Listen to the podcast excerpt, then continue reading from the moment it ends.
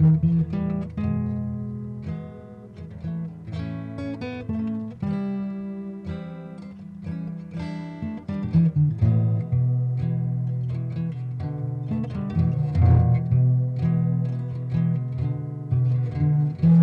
بكل متابعي ومشاهدي القناة. جاءني سؤال في ملاحظات فيديو إسرائيل والعرب أنه إذا كان لدي القدرة على القرار في حل هذه المشكلة فماذا سأقرر؟ وبالتفكير في ما هو الحل الممكن لهذه المشكلة، مشكلة الأراضي الفلسطينية المغتصبة وكيفية إقامة العدل والسلام ما بين الشعبين. هناك كثير من الأشياء التي تعيق تقديم أي حل. اولا هناك طبعا قانون دولي والقانون الدولي تعترف به الأمم المتحدة وموقع عليه كل أعضاء الامم المتحده وهي تقريبا كل دول العالم. لكن لا أحد ملتزم بتطبيق هذه القوانين مع الأسف. فالدول الأعضاء تستطيع أن تخرق هذه القوانين ولا يوجد أي عقوبات مثلا تنص عليها قوانين الأمم المتحدة.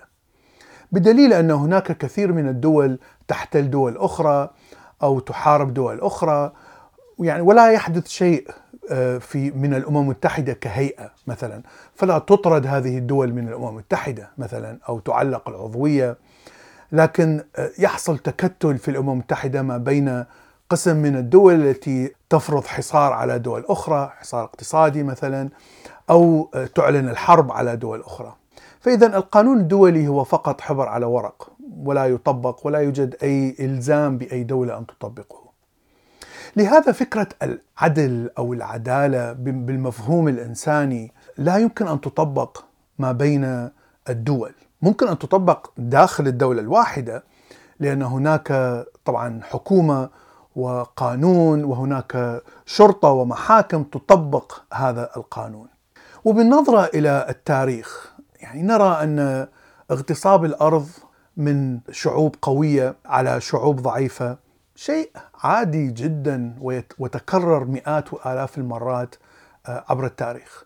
ابتداء من السومريين بابليين آشوريين مصريين انتهاء بروسيا التي احتلت أو شبه احتلال لجزيرة كريميا. المشكلة هنا أن الاحتلال يتم بالقوة ويفرض بالقوة أيضا. وهناك كلمة قال لي أحد أقربائي الكبير من العمر عندما كنت مراهق كنا نتناقش على نفس هذه القضية قضية فلسطين. فقال لي كلمة أن الحق للقوة.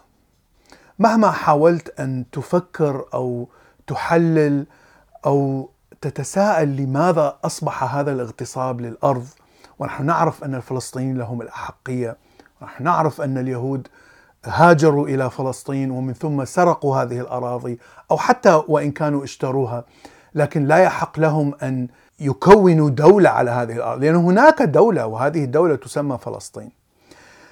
لكن الحق للقوة. دائما القوة هي التي تنتصر في النهاية ودائما تلاحظ بعد مئات السنين الحق يروى وكأنه بجانب القوة التي انتصرت وليس بجانب الشعوب التي هزمت. فعلا عندما تفكر بالتاريخ ترى أن هذا الكلام صحيح 100% مع أنه شيء مصدم أنك ترى أن البشرية لا تحمل يعني ذرة من العدالة، لا يوجد هناك شيء اسمه عدالة إنسانية بين الشعوب وبين الدول. ومثل ما احتل العرب العراق والشام والآن بعد مئات السنين أهل العراق وأهل الشام يعتبرون أنفسهم عرب مع أنهم ليسوا عرب فأصبحوا يسمون أنفسهم باسم المغتصب. حتى نرى مثلا المصريين الذين لا زالت لديهم هوية خاصة بهم ترى اسم الدولة جمهورية مصر العربية وترى نصف الشعب يحاول أن أن يتمسك بالهوية العربية أو القومية العربية. وطبعا هم هم ليسوا عرب. نفس المشكلة حدثت أيضا مثلا عندما احتل الأوروبيين البيض أمريكا. أو أمريكا الشمالية وعندما احتل الإسبان أمريكا الوسطى وأمريكا الجنوبية. عندما احتل الإنجليز أستراليا وكندا. نفس الشيء حصل آه، كان هناك اغتصاب للأراضي سواء كان الشراء أو كان خدعة أو كان حرب بنفس الطريقة التي احتلت بها إسرائيل آه، أراضي عربية وكونت الدولة احتلت الولايات المتحدة أستراليا كندا كل دول أمريكا اللاتينية بنفس الطريقة البشعة. وكان هناك مجازر. طبعا المجازر التي حدثت في الأمريكيتين الشمالية والجنوبية أبشع بكثير من المجازر اللي حدثت في فلسطين، يعني ليس تقليلا طبعا بمأساة فلسطين، لكن هناك قبائل كاملة أبيدت بحيث آه، حتى لغتهم، ثقافتهم، تاريخهم كله انتهى. المشكلة أن هذا التاريخ الأسود مثلا لأمريكا آه، موجود وتستطيع أن تقرأ عنه لكنه مخفي. في بطون الكتب لا يدرسونه في المدارس مثلا لأنهم يحاولون أن ينسوا هذا الشيء ويحاولون أن يتذكروا الأشياء الجيدة التي فعلها البيض للسكان الأصليين ودائما يذكروا هذه الأشياء، طبعا هي أشياء قليلة جدا. والشيء الطبيعي أن كل إنسان يأتي إلى أمريكا، كندا أو أمريكا الجنوبية أو إلى أستراليا مثلا ويعيش هناك مثلي أنا. ليس له الحق أن يعترض على المستوطنين الإسرائيليين. لأني كوني أعيش هنا في أمريكا كمواطن أمريكي في هذه الدولة التي اغتصبت الأراضي فليس هناك فرق بيني وبين المغتصب أو المستوطن الإسرائيلي الذي يستلم أرض داخل مثلا الضفه الغربية. اذا إذا كانت لدينا القدرة على الحل ما هو الحل؟ هل الحل هو القوة؟ هل معنى ذلك أننا إذا أردنا أن نسترجع أرض معينة يجب أن نستعمل القوة فقط حتى نسترجع الأرض طبعا إذا كنت آه، يعني شعب ضعيف جدا ولا تملك ثقافة وعلم وفكر متقدم حتى تستطيع أن تصنع هذه القوة. إذا يجب أن تتعلم أو تتحالف مع قوة كبيرة. يعني التاريخ يعلمنا هذه هذه الأشياء. الدول الضعيفة التي استطاعت أن تنجو من حروب مثلا طاحنة هي الدول التي تحالفت مع قوة كبيرة. وطبعا هذه القوة الكبيرة فازت في هذه الحروب.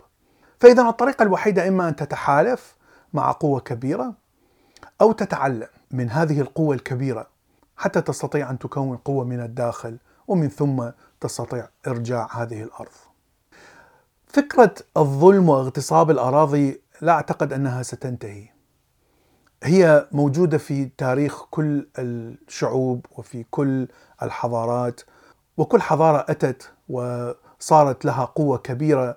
ترى أنها تبسط النفوذ سواء كان نفوذ استعماري سواء كان نفوذ اقتصادي نفوذ سياسي.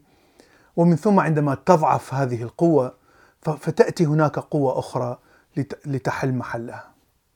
فهذا الشيء سيستمر. إذا لم تحدث هناك حكومة عالمية وإذا لم يتغير الفكر البشري من فكر قبلي عشائري محلي إلى فكر عالمي بحيث ممكن أن تصبح هناك حكومة عالمية. في ذلك الوقت ممكن أن تحدث عدالة ما بين شعبين أو قومين أو جهتين. هذا ما أردت أن أقوله اليوم. شكرا لكم وإلى اللقاء في أخرى.